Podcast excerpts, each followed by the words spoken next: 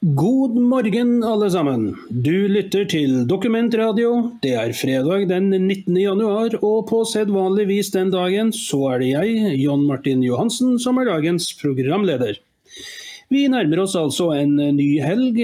Så fort denne arbeidsdagen er over, så er det fullt mulig å igjen kose seg i sommertemperaturer landet over.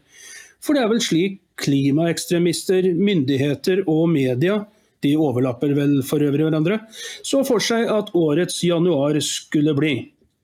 Noen meter snø og sprengkulde senere, så må nok Eivind Trædal og co. bittert innrømme at shorts og T-skjorte, jo det måtte vike for eh, polvotter og pelslue nok en vinter, altså.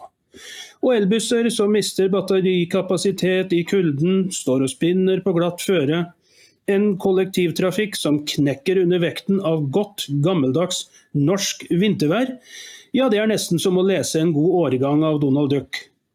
Ord som talentløst, tåpelig, idiotisk og nærmest hjernedødt tvinger seg jo frem når man skal forsøke å beskrive dagens samfunn i dets bestrebelse etter å overbevise oss alle om at den nakne keiseren ikke bare er påkledd, men regelrett inntullet i mange lag med isbjørnskinn. Men helg blir det jo uansett, og ingen fredag blir fullkommen uten dokumentradio. Og den selvskrevne gjest i Trondheim, vår vise mann i Midt-Norge, den begavede og veltalende trønder uten bart. Nei, jeg snakker ikke om Trond Giske, men selvsagt om Ragnar Larsen. Velkommen, Ragnar. Det var jo en fantastisk introduksjon. Eh, og, Det er en ære å være med i, i Dokument Radio fra, fra, Trondheim. og Det er viktig for Dokument Radio å ha stemmer som også er fra andre steder enn en hovedstadsområdet. For vi i Trøndelag vi er av og til litt for oss sjøl, og eh, det ønsker vi å dele med resten av de landsomfattende lytterskaren som Dokument har. Det er en ære å ha deg med også, Ragnar. Og spørsmålet må nå bli, har du funnet frem solbriller og solkremen da? Nei, jeg har ikke det. og ikke jeg det på studier, for Jeg skal nemlig ikke til Syden med det første. For det, det er eh, i Syden det er behov for, for solkrem. Eh, og i hvert fall ikke i, i, i Norge, som jo eh, ikke gjensøkes av noe ekstremvær på noen måte. Det er en vanlig norsk vinter, slik som vi har levd en stund. Opplevde det tidligere også. Store snøfall eh, på Vestlandet, og ganske særlig i, i, Oslofjordområdet. Det utløser jo eh, en, en holdning fra medier og myndighetspersoner som dette skulle være noe ekstraordinært. noe svært, noe uvanlig, noe som aldri har hendt før. Men det er jo en vanlig norsk vinter. Det er ikke et spørsmål om, eh, om, om, noe annet. Vel er det så at det har kommet mye snø på en gang, men ikke mer enn 30 cm, 40 kanskje, de siste dagene noen steder. Og det var det da før i tida også. Vi levde da godt med det. Vi, eh, vi ryddet, veiene ble brøytet og samfunnet fungerte. Og vi kledde oss eh, deretter når vi skulle ut i, i, i kulda. Akkurat nå er det 10 grader minus i, i, i Trondheim, og det er sikkert 20 og 25 i mer utsatte strøk. Fjelltraktene østafjells. Men det er jo en vinter som er til å leve med det. Vi, vi, det er jo ikke sånn at det er eh, ekstremvær. Det er vanlig norsk vinter som det norske samfunnet dessverre ikke er forberedt på. Ja, det har du helt rett i. Og eh, vår nye ervervelse Mikael Jalving han skriver jo veldig godt om disse tilstandene med en artikkel nå i Dokument som ligger på kommentarplass og heter 'Norwegian fungerer bedre enn Norge'. Eh, for dere som ikke har lest den enda, så anbefales den på eh, det sterkeste. Eh, Hjalving skriver utrolig godt, og han har også vært å, å lytte til. Så den bør dere få med dere. Han beskriver litt om det Ragnar nettopp snakket om nå. Hvordan samfunnet i utgangspunktet nesten fullstendig kollapser når vi får en vanlig vinter. Og det er litt fordi man i sin villfarelse har trodd det at nå, ja, nei, nå skal det være sommer nå. I januar det skal ikke komme noe mer snø. og Vi har jo global oppvarming. Og, og dermed så, så, trenger vi ikke å tenke noe mer på, på brøyting og, og, sånne ting. Jeg kan jo nevne det som en uh, liten kuriositet her når det gjelder brøyting. at skal du høre det, Ragnar, at bare i Oslo så har altså uh, Oslo kommune mottatt 5549 klager på brøytingen i hovedstaden. Og vi snakker altså bare om siden nyttår. Det er 326 klager i snittet. Hvordan er det i eh, Trondheim når det gjelder det? Nei, her er det veldig lite klager på, på, det. Men så har vi heller da fått snø i, i mer eh, rimelige doser da, eh, over, over trønderhovedstaden. Så en og annen klager sikkert på at, at brøytinga går litt uh, sakte. Men det er mer det at uh, når det nå blir mildvær, for det er det meldt at vi skal få om noen få dager, så blir det jo glatt. Og da er det mer, flere klager over mangel på strøing på glatta enn det er på, på, på brøyting. Men så er jo folk utålmodige også, da. At hvis ikke det er brøyta eh, akkurat når man skal ut på veien, Eh, så, eh, så liksom ramler verden sammen og 101 er, er, ute. Men man må huske på at de som har ansvaret for brøytinga, dvs. Si i byene, er jo det kommunene. Eh, de har jo et begrenset kapasitet. De kan ikke bygge opp en brøytevirksomhet basert på egne brøytere og innleide traktorer og biler for å ta toppene.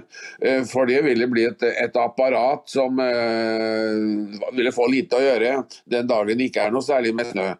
Så vi må ha litt tålmodighet. Jeg vokste opp på bygda hvor, eh, på, eh, på 50-tallet. Og når veien eh, føyk igjen der, ja, så føyk den igjen. Og den ikke, lot seg ikke åpne i, i, de skavlene før man arrangerte en dugnad utpå seinvinteren.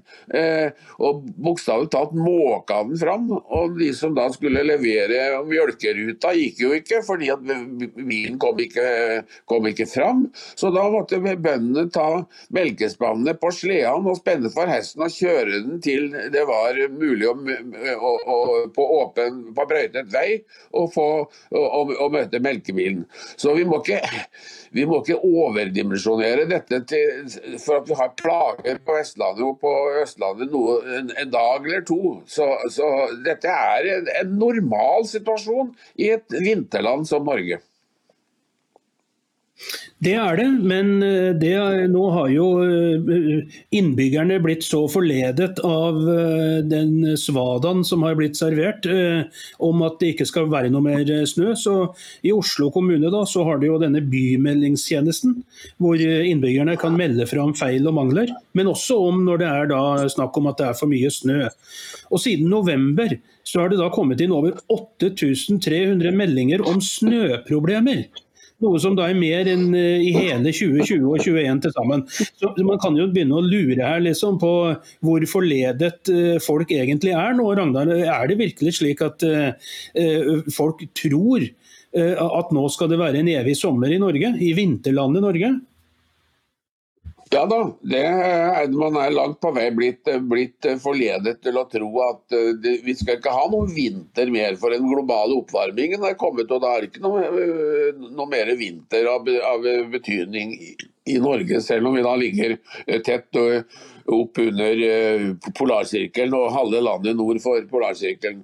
Og den amerikanske, tidligere amerikanske visepresidenten Al Gore fikk jo Nobelprisen for eh, sine løgner om at, Uh, om at det om noen år fram i tid Han sa det, og det var etter årtusenskiftet, at eh, at det sommerstid ikke lenger ville være is på Nordpolen. Eh, det fikk han Nobelprisen for. Og eh, det er like mye is der nå som det har vært. Eh, det har vært riktignok litt mindre is i Polhavet sør for Svalbard og der omkring sommerstid det har vært i tidligere år, men dette er variasjoner fra, fra år til år polisen den ligger der, og vil bli liggende der. Det vil den. Og det er ikke bare nordmenn som er uh, naive her og tror på dette, men det gjelder jo også uh, svenskene. Eh, der har vinteren i Sverige også vært veldig hard i år. og Det har vært snø og temperaturer da ned til minus 30. Og Hva gjør svenske forskere da? Jo, de lanserer et forskningsprosjekt som skal få svenskene til å sykle. Og det året rundt. Og, eh, ja, Det er helt uvirkelig. ikke sant? Forskernes mål er å finne faktorer som kan føre til atferdsendringer, for å få svenskene til å velge bort bilturer og i stedet sykle mer året rundt, også til arbeidsplassene sine. Og Da er det vel at vi kan føle oss litt, eh, litt høyere igjen her, Ragnar. For så dumme som svenskene er, det er ikke vi, altså.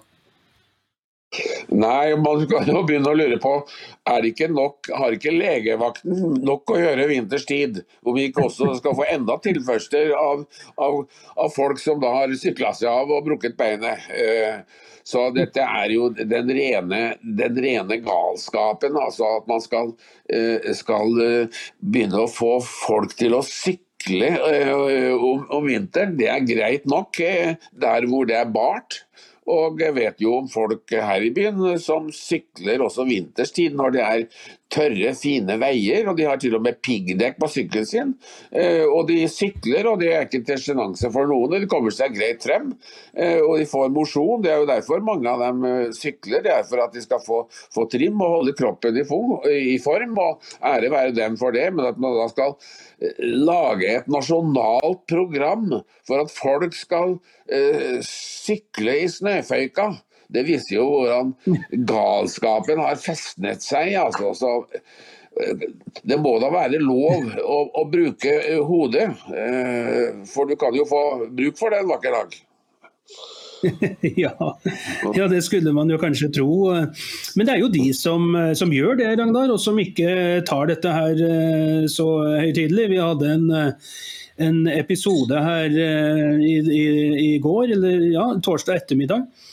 Da var det altså en fin frue, dette må man jo da gå ut ifra, det opplyses jo ikke i artikkelen, men eh, antageligvis en finere frue fra Frogner, som kom da med sin Tesla og skulle på eh, eh, et, et, studio for å få gjort neglene sine. Hun hadde en negleavtale. Og Da hun skulle parkere bilen, så tenkte hun ikke hun eh, på å kjøre helt inn til brøytekanten, slik at trikken skulle komme forbi. Nei da, hun hadde dårlig tid, hun. Og, og negleavtalen den var jo særdeles viktig, så hun parkerte jo da eh, bare rett og slett midt i veien, så trikken ble, ble stående. Og det var først underveis, midtveis i negletimen, at hun ble oppringt av en mer eller mindre rystet ektefelle, som kunne fortelle henne om det at det var et stort uh, oppstyr utenfor, hvor trikken sto og tutet og folk, og det var fullstendig kaos. Hvoretter hun da løp ut for å flytte Teslaen sin. Eh, det, det, er liksom eh, Noen er jo Det var jo også en annen eh, episode da, samme dag hvor en feilparkert liten Porsche til et par millioner kroner hindret trikken i å passere. Den ble da fjernet da eieren ikke var å få tak i for en Porsche til et par millioner pytt pytt. Det, det, vel, det bryr vi oss ikke så mye om, den kan vi bare la stå. Ikke sant, Ragnar? Ja, det er, det er så mye galskap i, i, i, i verden. Men den alvorlige siden ved dette det er jo at vi som folk ikke er eh, og Som folk og offentlige myndigheter ikke er for på at vi bor i et vinterland hvor snø er helt vanlig eh, fra november til mars-april. Og når det da blir en del snø, så, så blir samfunnet lammet. Vi hadde i Oslo-området hvor var eh, hvor bussene sto, T-banen sto, trikken sto, toget sto. Og eh, også flyene sto pga. at fly eh, eh, for å operere må eh, ha en rullebane som er fri for snø. Og, så alt, alt sto, og dette var man altså ikke forberedt på i et vinterland, og det er uh, alvorlig. Det, det, viser også at vi har en litt for lemfeldig holdning til det som har med, be, med be, beredskap uh, å gjøre. Beredskap, dvs. Si å være fort på at det kan oppstå vanskelige uh, situasjoner, men det skyver vi fra oss. Og Det gjelder jo mange, på livets mange områder. Eh, Sivilforsvaret har jo, og, og Direktoratet for Ja, sivilt da virker det som vi mistet eh, Ragnar der et lite øyeblikk. Da får vi bruke anledningen til å eh, si til dere lyttere at hvis det er noe eh, nyheter eller overskrifter eller noe som dere er interessert i at vi skal diskutere, så skriv gjerne det inn i kommentarfeltene det, til dere som gjør det. Det er veldig hyggelig at dere gjør dette, og vi eh, setter stor pris på det. Eh, sier god morgen til dere. Vi ser det er mange folk her fra Sarpsborg, fra Rosendal, fra Vestlandet. Det er, folk er, eh, er, er aktive. Så bare skriv inn eh, eh, forslag til hva dere vil at vi skal snakke om. Og eh, så skal vi gjøre det. Og hvis du ønsker å støtte oss på andre måter, så bli gjerne abonnent på, på Dokument. Det er den beste måten du kan eh, støtte oss eh, på. Hvis ikke så har du også muligheten til å vippse oss på 638941. Eller du kan selvfølgelig også like og dele, og ikke minst lese artiklene våre.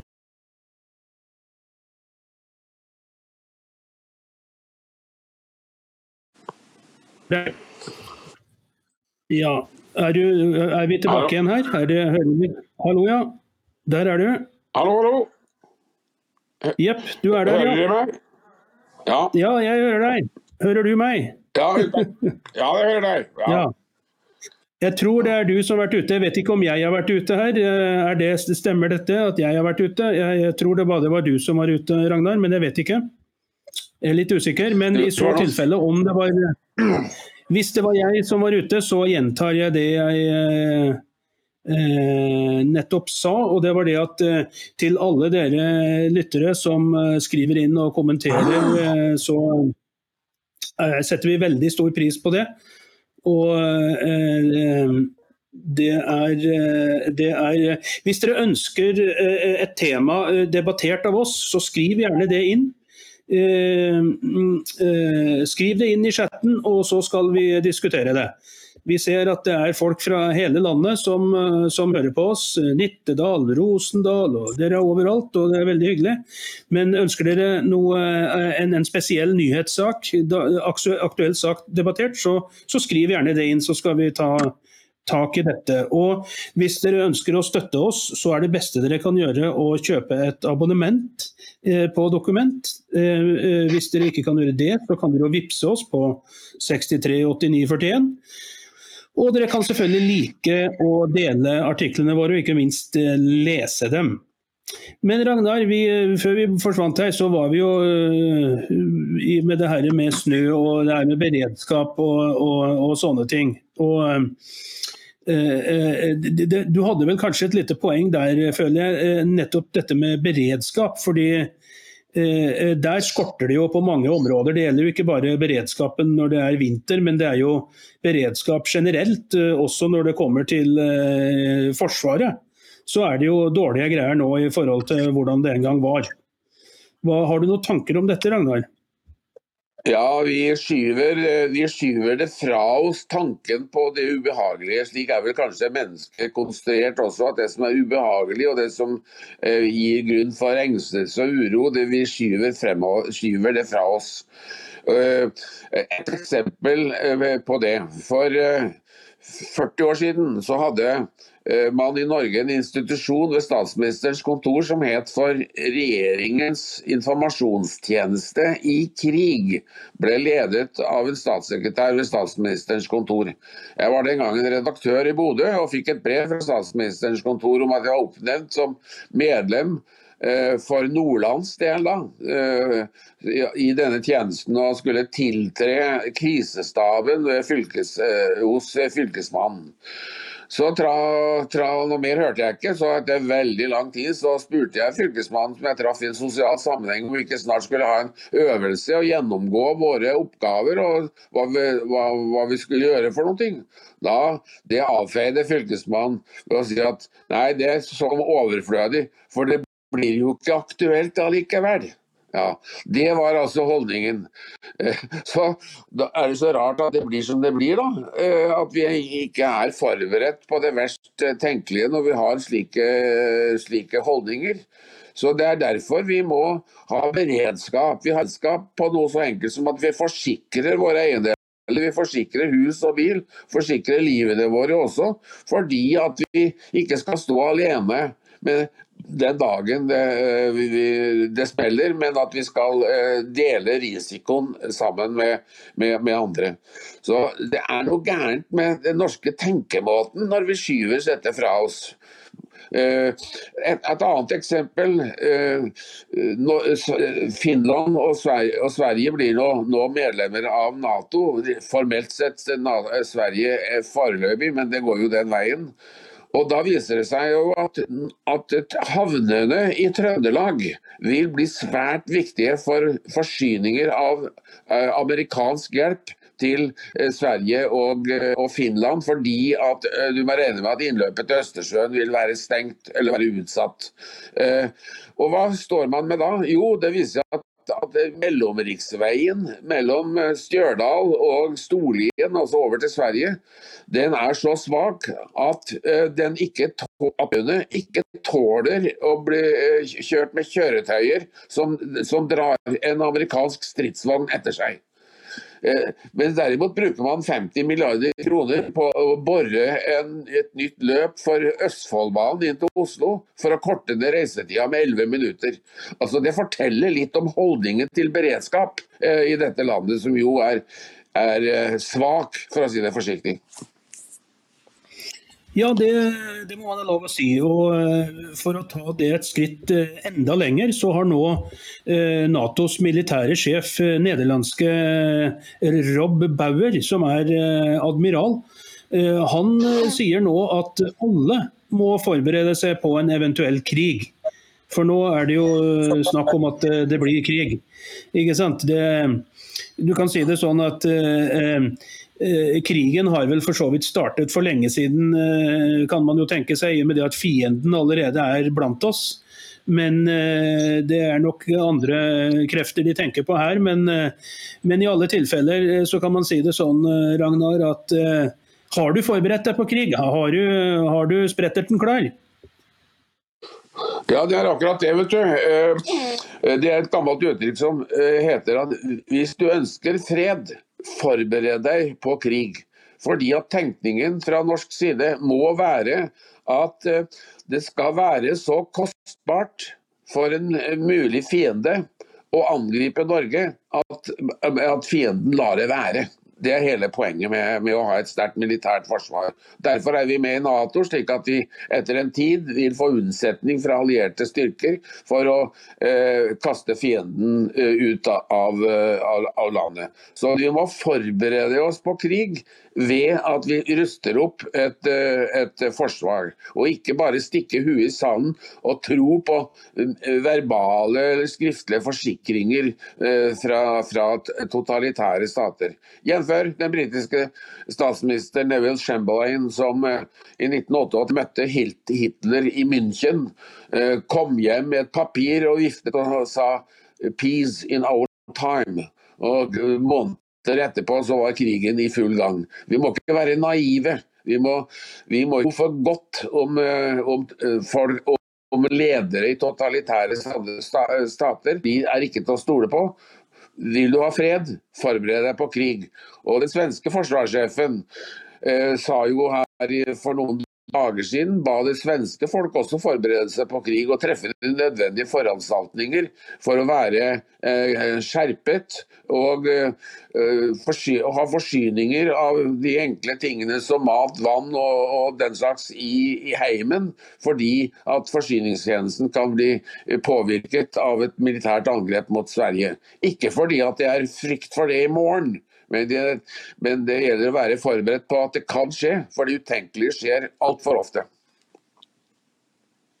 Ja, det gjør det. og eh, vi, eh, vi er jo godt forberedt, vi. Vi har jo fått uh, mange kvinner inn i Forsvaret og transer. og uh, Vi er jo flinke til å kjøre torpedobåter som Helge Ingstad og sånn, så jeg føler meg ganske trygg på at dette skal gå bra.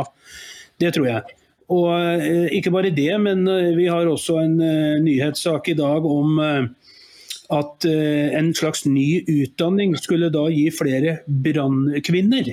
Altså det er ikke supportere på fotballklubben Brann, men altså uh, istedenfor brannmenn, så skulle det da bli brannkvinner. Fordi de skal jo ikke være underrepresentert noe sted, og ei heller i brann- og redningstjenesten. Eh, så en ny fagutdanning skulle da gi større mangfold, men det var ingen kvinner som eh, kom inn på dette her da, en eller annen merkelig grunn. Og eh, Det synes da eh, de som eh, skulle stå for dette her. Lill Marit Overvik sier til NRK hun er utdanningsmester i Trøndelag brann- og redningstjeneste. og Det er jo ditt område, Ragnar.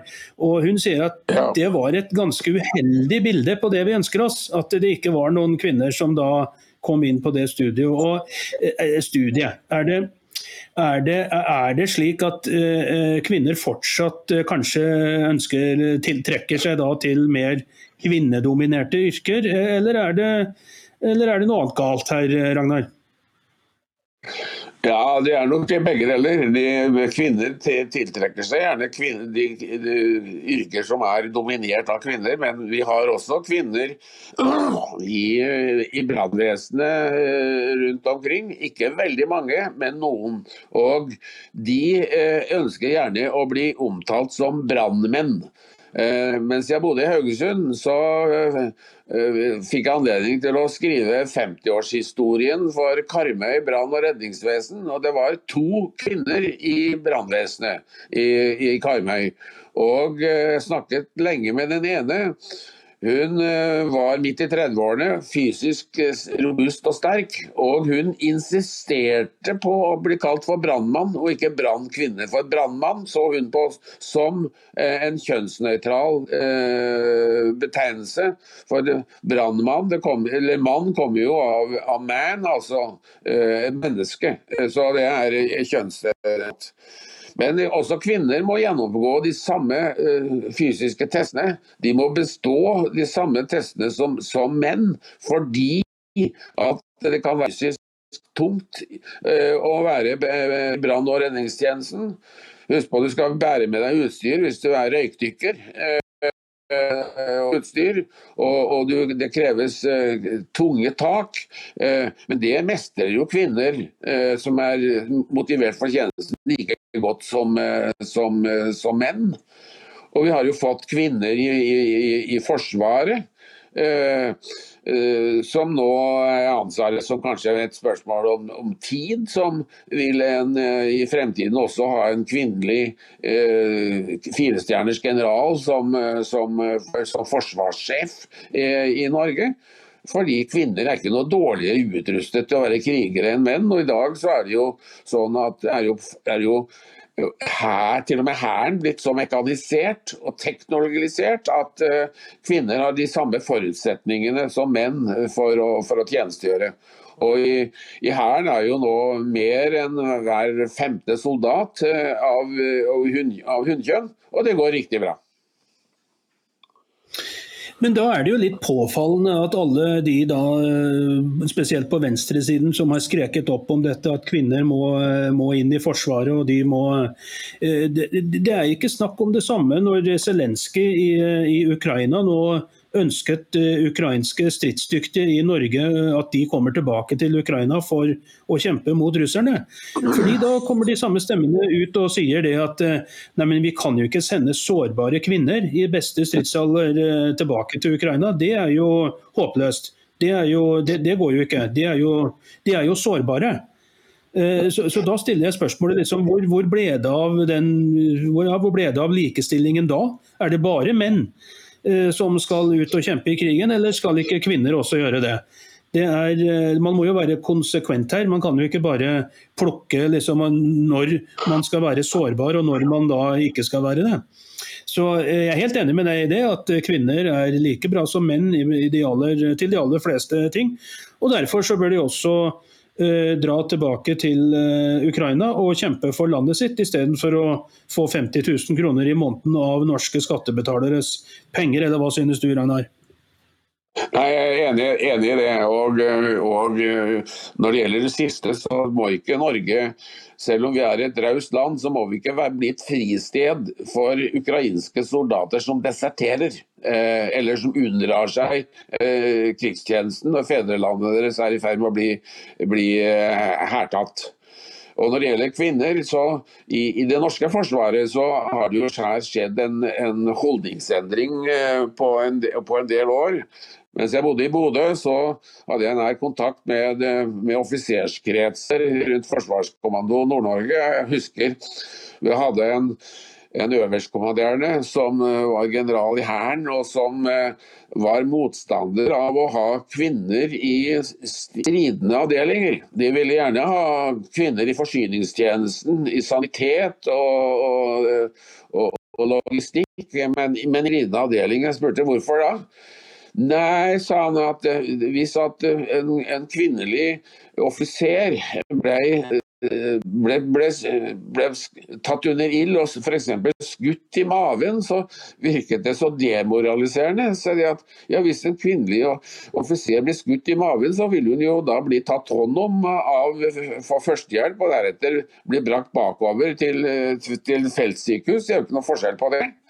Eh, og jeg sa det at de mest vellykkede eh, hærstyrker vi har hatt i verden etter annen verdenskrig, det er jo den israelske hæren og den frigjøringsbevegelsen i Vietnam, hvor kvinner og menn kjempet eh, med våpen i hånd side om side. Og det er jo ikke så mange, mer enn tre tiår siden kanskje, at den daværende generalinspektør for Luftforsvaret var motstander av å ha kvinnelige jagerflypiloter. Så jeg spurte hvorfor skal ikke kvinner føre jagerfly? Nei, det kom av deres månedlige syklus. Jeg sier, de er da vel ikke, de er da vel ikke, premins, de er da ikke premenstruelle eh, hele tida. Eh, men, nå har du også fått utdannet kvinnelige jagerflypiloter på F-16. Og, nå utdannes det også kvinner som skal føre de nye jagerflyene F-35. Så dette går seg til, men da må man nedkjempe fordommer. Ja, jeg vil vel heller si det slik at en premenstruell eh, kvinne vil være langt farligere enn noen mann i en, en eventuell krig. Så det burde jo være et, et, et kraftig våpen å, å bruke.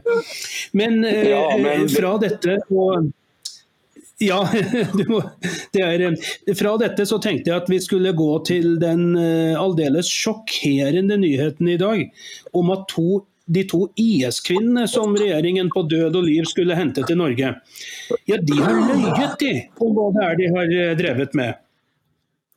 Det gjelder da de der eh, to norsk-somaliske søstrene som dro fra Bærum til Syria for å være med ekstremistgruppen IS.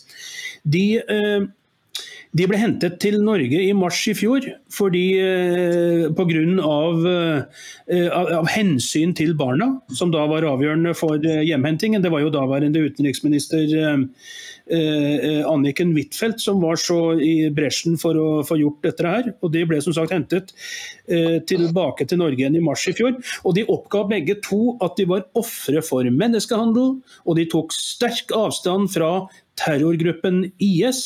Og de sa også på heder og ære at de aldri hadde deltatt i noen kamper eller hatt noe som helst, eller gjort noe som helst i forbindelse med noe som helst som hadde med IS å gjøre. Men nå viser det seg det at det både er eh, vitner, andre kvinner i denne leiren i Al-Roy, eller hva den heter for noe. Eh, den leiren hvor eh, da de kvinnene som eh, som var med i IS nå eh, og oppholder seg i. Og Han som styrer den leiren, han sier at de to norske statsborgerne de var del av en ekstrem gruppering som sanksjonerte kvinner som avvek fra de praktiske og moralske reglene som de mente gjaldt. De gikk til angrep på kvinner på markedet som ikke hadde dekket til ansiktet og videre og så. Og uh, Det er da uh, en, kvinne, en ung kvinne som sitter her som forteller om disse to søstrene at hun ba hver eneste dag om at enten de eller hun skulle komme seg bort fra den leiren, fordi eh, hun eh, ble truet av dem, den ene hadde slått dem. Og de, hun ble fortalt at selv om du drar til hjemlandet ditt, så har vi sovende celler, vi kan ta deg hvor som helst. Og De oppførte seg altså da som det rene moralpoliti, og dette er da de to som nå har blitt hentet av Anniken Huitfeldt og regjeringen tilbake til Norge.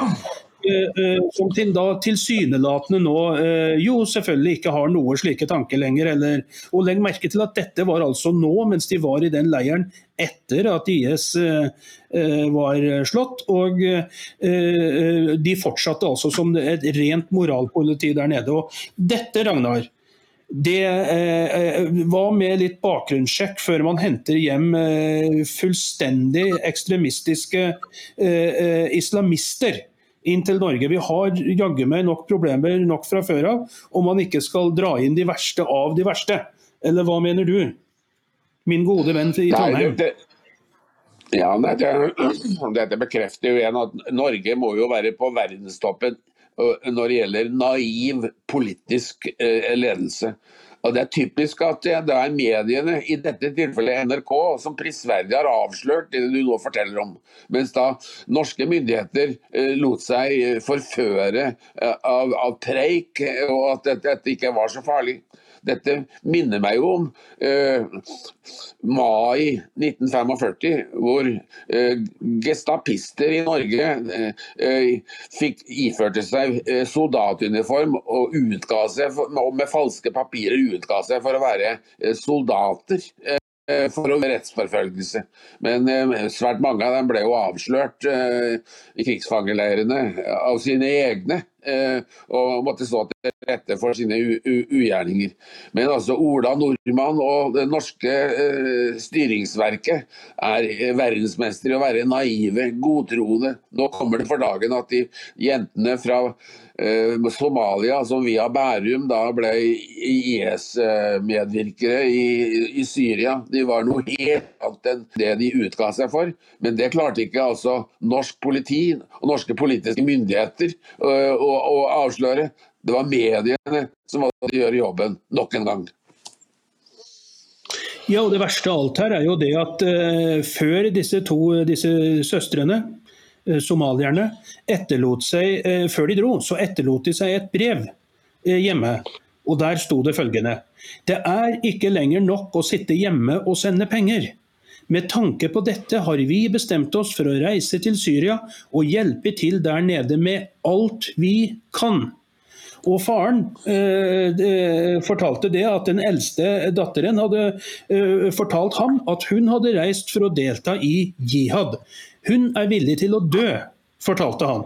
Og med tanke på dis, denne informasjonen bare, som da eh, politi, norsk politi og, og andre måtte ha uh, tilgjengelig uh, Dette visste man jo før disse somalierne dro til Syria. Og Da skulle det jo ikke være så veldig vanskelig. altså jeg mener, Man trenger jo ikke akkurat å være Sherlock Holmes eh, eh, for å forstå eh, hva slags holdninger disse menneskene har. og Det er jo ikke, er jo ikke slik at det, blir jo litt sånn å ta, ta, de tilbake til Norge og si ja, nå har de sluttet å være slemme. Nå er de ikke IS-tilhengere nå. Det blir, det blir liksom litt på samme måten som å si at når har de sluttet å slå deres kone? Det blir for dumt, ja. ikke sant Ragnar? Det blir altfor dumt. Og dette, de, de, prosederte jo på, da deres advokater i Norge, at de, de hadde jo ikke deltatt i noen krigshandlinger. De hadde bare vært eh, de, de, kokte mat og stelte barn, og for de ble jo eh, I hvert fall en av dem fødte jo også der, der nede. Og, og de, deltok ikke i no, no, no, noen krigshandlinger, men det blir akkurat like dumt som det som skjedde med de norske eh, Røde Kors-søstrene på østfronten under krigen. Bortimot 500 norske kvinner vervet seg for tysk tjeneste som Røde Kors-søstre på østfronten. Og de, eh, når de ble trukket til ansvar etter frigjøringen, så ble det prosedert på at ja, de hadde jo ikke deltatt noe, med, noe, med, noe, våpen, de hadde jo bare gjort en, en velgjerning. De hadde drevet humanitært arbeide eh, og, og tatt seg av beskadigede mennesker. Men de var jo, eh, sannheten var jo at de var et bidrag til den tyske krigføringen. Eh, og Derfor så ble de jo også domfelt og fikk til dels lange fengselsstraffer etter, etter krigen. Og Det blir for dumt å si at nei, disse IS-kvinnene var bare kokker. Nei da, de var noe mer. Det viste seg at nå er de avslørt. Men det var altså mediene som måtte avsløre det. Disse naive norske myndigheter ikke så kjensgjerningene i hvitøyet, og derimot inviterte dem hjem på den norske skattebetaleres bekostning. En skam, for å si det forsiktig. Ja, det er det. fordi her så var jo dette opp i dagen eh, hva det var snakk om. Det var ikke slik som eh, Eh, Derek, som vi alle husker, Horst Tappert, som da var eh, skuespilleren. Som jo eh, sa noe tilsvarende. Han hadde vært kokk under krigen. Og så viste det seg det, men det fant man da altså ikke ut av før etter hans død, at han hadde vært jeg husker ikke hvilken grad han hadde, men han hadde vært i hvert fall leder for en tankdivisjon eller noe sånt noe, nede i Ukraina, eller hvor det var, for SS. Så det var jo en ganske alvorlig sak og en ganske høy stilling han hadde hatt der. ikke sant, og det ene med andre, men, eh, men det var jo da, han var jo smart, og han eh, kom seg jo unna, kan du si. og eh, Her så snakker vi noe helt annet. Her er det jo dette er jo mennesker som var mer eller mindre terrorister. og Jeg husker jo den ene av disse her. De, hun reiste vel rundt omkring på, på norske skoler barne- og ungdomsskoler for å liksom fortelle dem at å bruke hijab det var helt OK.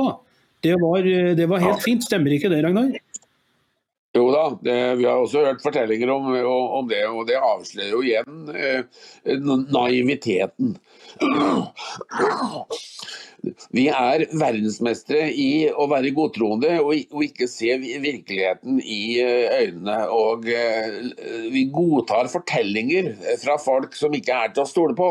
Og Slik blir man altså forført. Og når da også politikerne, de politisk rettroende, blir, eh, fremstår som som roperter uh, for disse kretsene, så blir det jo enda verre. Da tror jo folk at det er sånn som det skal være. og Det kan jo ikke være så farlig når til og med justismyndighetene uh, går god for det. Og, og, og, da er vi ute på ville veier. Og det viser igjen naivitet, mangel på kritisk tenkning, mangel på beredskap mot det verst tenkelige. Det stemmer. Og nå har vi, eh, Det er jo greit nok at vi er dumme da når det, vi lar oss utnytte av ekstremister. Og, og, vi lytter til ekstremister og tror på ekstremister. Og når vi snakker om det, så har vi eh, akkurat nå en eh, artikkel ute av vår briljante Kent Andersen om at elektrifiseringen av Melkøya er i gang. Og Her vi, kan vi jo snakke om, eh, om Molbo-prosjekt. Eh, det er altså Equinor som nå har gitt klarsignal til å elektrifisere Melkøya innen 2030. Eh, Kent skriver at de har fått det tidsriktige tullenavnet Snøhvit Future. Og Målet er å kutte magre 850 000 tonn fra gasskraftverket som driver Melkøya. Og Hvis vi snakker om galskap, Ragnar, så må jo dette altså Her har vi en kontrakt som da har en verdi på 1,5 milliarder kroner for å gjøre noe som jo da uh, driver seg selv. Uh, uh, i utgangspunktet. Og Da må vi snakke om at dette er jo rett og slett å forgripe seg på de norske skattebetalernes penger. det. Ja, og enda verre enn det. Vi forgriper oss også på det, det, norske samfunns evne til nyskaping i næringslivet, fordi at uh, man rett og slett mangler uh, strøm. Og Det går jo ut eh, i, i Finnmark utover eh, prosjekter som kunne ha gitt arbeidsplasser eh, på, på, land. Det er fiskeindustribedrifter som ikke får nok strøm til omstilling av, av virksomheten, fordi strømmen skal ut til Melkøya for å drifte et gassanlegg som hittil har driftet seg sjøl, fordi de har brukt gass til å produsere elektrisitet. Og det sprer seg jo også andre steder.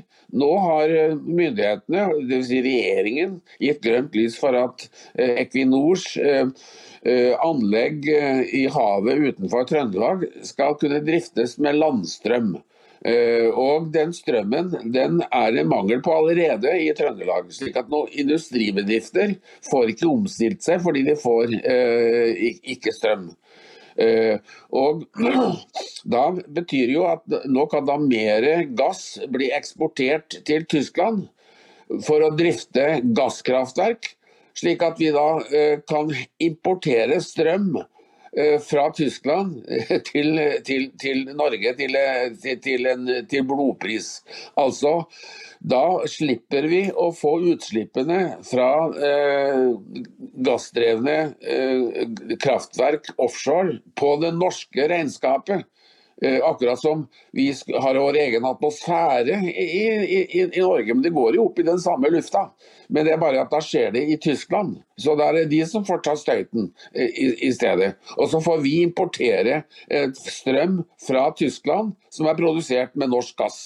Hvis ikke dette er galskap, så må det jo være lov til å spørre hva er det da som er galskap? Ja, det er noe helt sikkert. Det, er, det minner meg litt om uh, Dizzie Tunes og han Tor Erik eh, Gunnstrøm der, når han ble spurt om uh, ja, hvor dum er det mulig å bli, da? Uh, sier han Yngvar Numme til Tor Erik Gunnstrøm.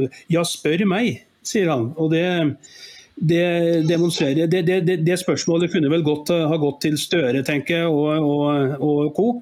Fordi det illustrerer ganske godt litt av vanviddet som, som skjer eh, i, i, dagens samfunn. Og eh, enda mer vanvidd er det jo at eh, vi har en utenriksminister, altså Espen Barth Eide, som på våre vegne forteller at Norge ønsker en tostatsløsning nede i Midtøsten. Og Eh, han går nå ut mot eh, den israelske statsministeren Benjamin Netanyahu. Og eh, hvor Han sier jo han ikke ønsker en palestinsk stat selv etter Gaza-krigen, noe vel fornuftige mennesker nå forstår hvorfor. Men dette mener jo Barth Eide at det, det, han kan ikke se noen annen løsning enn en tostatsløsning. Og han mener at uh, de, de, som mener noe annet enn det, de er da i utakt med et nesten samlet internasjonalt samfunn. Og eh, Da er ikke vi en del av det samlede internasjonale samfunnet, vi da, Ragnar? Nei, det kan du si. Og, og, og Barth Eide han er jo frekk. Eh, at, at, Norge eh, ønsker en tostatsløsning. Norge? De har ikke spurt meg. Har de spurt velgerne i valg om eh, det, det, har de ikke gjort. Nei da, dette er noe de tar seg til og, og, og snakker på vegne av, av Norge. Tostatsløsning. Det, er, eh, det, det, kan de bare glemme hvis de med det tror at uh, det skal bli opprettet en statsdannelse på de områdene som i dag er innenfor Israels grenser. Det finnes over 50 muslimske land, men bare én jødisk nasjonalstat. Så Eh, men det er jo selvfølgelig én stat for mye, da, for eh, de, de som er, er, forblindet i sin antisemittisme. Vi har jo allerede en palestinsk stat, og det er jo Jordan. Fordi at da FN opprettet, eller ga grønt lys for opprettelse av en uh, jødisk nasjonalstat uh, på, i, i, det indre Middelhav, ja, så uh, rømte jo en stor del av de, de eh, muslimene som bodde der, eh, til Jordan, men ikke alle. Eh, så, de, så Jordan er jo i dag en palestinsk stat, i hovedsak bemannet eller befolket av, av de som tidligere bodde på, på uh, vest for Jordanelva. Her må jo også realitetsorientere seg litt. Israel har et større landområde i dag enn eh, det som de ble tilgodesett med fra FN fordi at de vant kriger som araberne påførte dem. Og da er det slik at I kriger så er det seierherren som bestemmer hvor grensene skal gå. og Slik må det også være i Midtøsten. Ja, det sier seg jo selv, så det er jo, det er jo direkte skrekkelig. Og vi beklager for øvrig litt uh, lydproblemer uh, i dag. Uh, vi håper at dere er overbærende med det. med oss for, for, denne gang. Vi blir bedre, det kan vi love dere. Det, vi skal komme opp med en langt bedre løsning om en liten stund. Så forhåpentligvis så, så, så blir lyd og, og tek, teknologi litt bedre fremover her. Men tilbake til den godeste Barten. Han Eh, det som irriterer meg eh, mest, det er eh, det er at han snakker på, på, vegne av hele Norges befolkning. Og som du nevnte, Ragnar, han har ikke spurt deg, han har ikke spurt noen nordmenn. Fordi det har aldri vært noe folkeavstemning om hva folk mener om dette eller ikke, eller andre ting for den slags skyld. Men du kan si det sånn at du, du, du, setter jo fingeren litt på, på det her. Han er, han er frekk. Uh, Barth Eide er direkte frekk. Det, det, vil jeg si. Og måten han snakker til Netanyahu på og omtaler Netanyahu på, uh, oppfatter jeg nærmest som nedlatende. Nærmest som om Netanyahu skulle være dum. Og jeg føler at liksom, Det er ikke noe jeg ønsker å stå bak. Det, jo, det føles jo direkte vemmelig. Eh, så eh, man må jo ha lov å si det at eh, det å ha en slik utenriksminister Jeg trodde kanskje det at med Anniken Huitfeldt så hadde vi kanskje en av tidenes verste utenriksministre. Men nå begynner jeg å lure på om Barth Eide faktisk er i ferd med å overta den tittelen der, altså. Og det, det, altså, det, når han f.eks. sier noe sånt som at den israelske statsministeren uttalelser er i utakt i utakt med hvem? Han mener da liksom et nærmest samlet internasjonalt samfunn. Hvor er det han har disse tallene fra? Hvor er det Barth Eide vet at eh, et nærmest samlet internasjonalt samfunn eh, mener det samme som han gjør? Det er jo, dette er jo svada. Og eh, du kan si det sånn at Barth Eide bør gå. Fordi han kan ikke, han kan ikke, han kan ikke skjøtte jobben sin eh, på en god nok måte, så lenge han eh, eh, rett og slett ikke tar hensyn til den norske befolkningen. For det er, jo, det er jo det en utenriksminister og en minister i sin helhet skal gjøre. ikke sant, Ragnar? Han, du, du, er jo en tjener for folket og skal dermed da lytte til folket, og ikke gå ut og si ting som da går mot veldig mange i landet da, sin mening. ikke sant? Helt rett. Helt rett. Og så må man ikke glemme at uh, norsk utenrikstjeneste skal ikke opptre som misjonærer i en vanskelig verden. Norsk utenrikspolitikk skal være diktert av å ivareta Norges interesser. Uh, det er det som er, uh, er saken.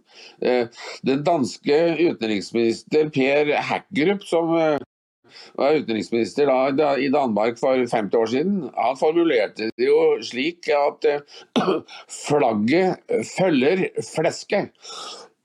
Det vil si at utenrikspolitikken skulle, skulle understøtte eh, danske eksportinteresser.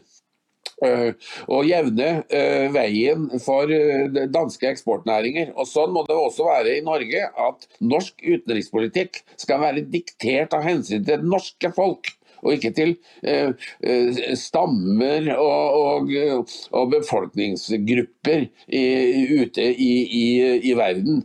Det er vel og bra å ivareta humanitære hensyn, og det skal Norge gjøre. Skjer det en naturkatastrofe som eh, eh, ødelegger hus og hjem og, og, for folk ute i, i den store verden, så skal selvfølgelig Norge trå til med katastrofehjelp og nødhjelp. Men eh, vi kan ikke drive og skifte sol og vind mellom, eh, mellom stridende grupper ute i verden. Det har ikke ført frem noen gang. Eh, vi sendte for 20 år siden, og vel så det, Erik Solheim til Sri Lanka for å, for å megle i borgerkrigen eh, i Sri Lanka. Og Det var altså så katastrofalt at han måtte dra hjem med uforrettet sak. Og Norge ble så upopulær på Sri Lanka at da sønnen min Eh, en voksen mann, eh, var på ferie der for noen år siden, så turte han ikke engang si at han var fra Norge, for han var redd for å få juling.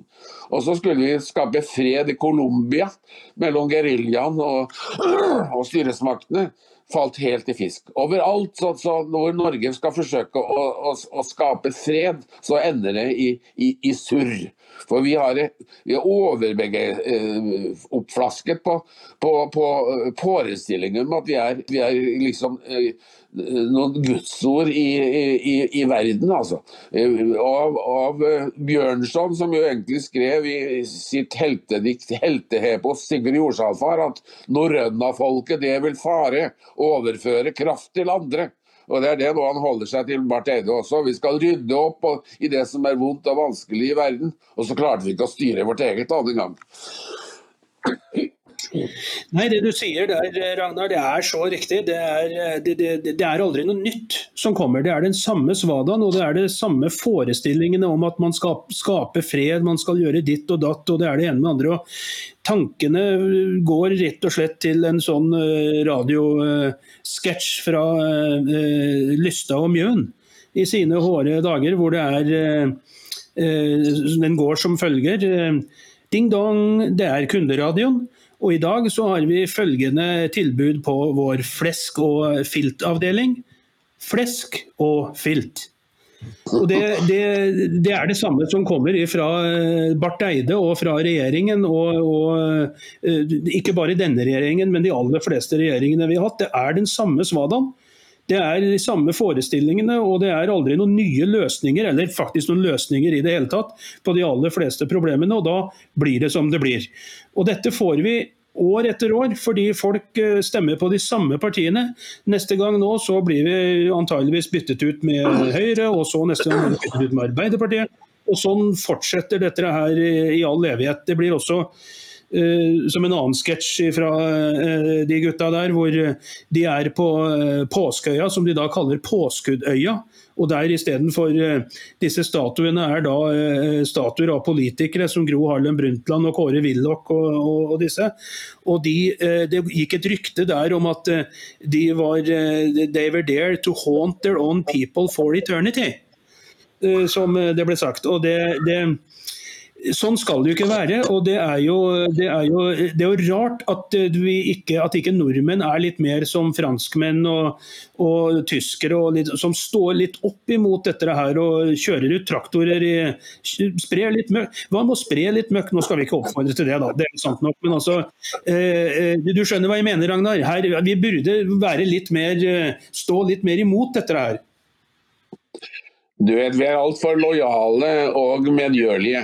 Eh, også, men så finnes det jo ikke noen alternativer heller. fordi at maktstafetten eh, i Norge den veksler jo da mellom eh, Arbeiderpartiet og, og, og Høyre. Eh, så eh, om eh, Jonas Gahr Støres regjering får avløsning neste høst, så kommer en, en, en Høyre-ledet regjering som nok vil føre en utenrikspolitikk som ikke vil avvike fra det som eh, Barth Eide har eksponert. Fordi at han, Barth Eide bestyrer et departement som er gjennomsyret av pussige holdninger og en betydelig grad av antisemittisme. Det, er langt mellom dem i utenrikstjenesten som uh, har sympati for at, at, Israel skal kunne overleve som selvstendig stat, og at de har rett til å forsvare seg. Uh, og Jevnfør at de frarådet Hans Majestet Kong Harald å sende et kondolansetelegram eh, til statsoverhodet i Israel etter muslimenes overfall eh, den 7. oktober. Så, eh, så det er eh, lite håp i vente, slik det politiske terrenget i Norge eh, eh, arter seg i dag, hvor den ene antisemittistiske regjeringen vil avløse den andre. Fordi at det ikke er noe opprørstrang i det norske folk. Vi godtar hva som helst og stemmer fram til maktposisjoner, hva det måtte være. Det er dessverre helt korrekt, og vi nærmer oss eh, slutten på denne sendingen. Eh, eh, og vi vil komme sterkt tilbake på mandag igjen med de samme to undertegnede herrer. Og det er tross alt helg nå, da. Og nå det, det er jo, nyheten er jo nesten alltid nedslående. og Det er jo trist å gå inn i helgen med trist til mote, Ragnar. Så har vi noe positivt å meddele våre lyttere før vi avslutter i dag? Nei, fest oppmerksomheten på noe annet. For min egen del skal jeg se på skiskyting og skiidrett eh, i dag. Det er full rulle både når det gjelder skiskyting og, og, og, og langrenn, og det er hopprenn også. Og det er, og det er dessuten uh, europamesterskap i eh, i eh, håndball, hvor Norge gjør en eh, lite flatterende figur så langt. Eh, men eh, vi har mye god idrett som vi da kan avlede, oppmerksom, kan avlede oppmerksomheten bort fra det som er vondt og, og vanskelig. Så eh, slå på fjernsynet, folkens, og eh, nyt god idrett. Det er eh, svært kloke ord. Eh, prøv å avlede oppmerksomheten til noe annet, selv om eh, det er viktig å, å tenke over, tenke over hvilken verden vi går inn i, og, og ta forhåndsregler deretter. Vi er ferdige da eh, med dagens sending. Da gjenstår det bare å ønske en riktig god helg til eh, alle sammen. Og vi håper å eh, høres igjen på mandag. Jeg er John Martin Johansen og har vært dagens programleder. Med meg hadde jeg Ragnar Larsen i Trondheim, og studiotekniker har vært Dan Bøhler. En riktig god helg til dere alle sammen. Hei! Vi i Dokument er glade for at du leser oss hver dag. lytter til dokumentradio og ser på Dokk TV. Redaksjonen produserer døgnet rundt. Og trenger både abonnement og donasjoner. Dokument er unikt i Norge. Vi er det eneste virkelig konservative mediehuset. Støtt oss på VIPS nummer 638941. Det Kent sa. VIPS nummer 63 89 41. 63 89 41. Eller bli abonnent.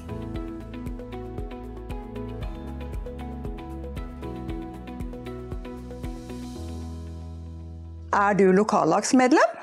Mm, ikke det? Nei, da har du muligheten å melde deg inn. Velkommen til oss.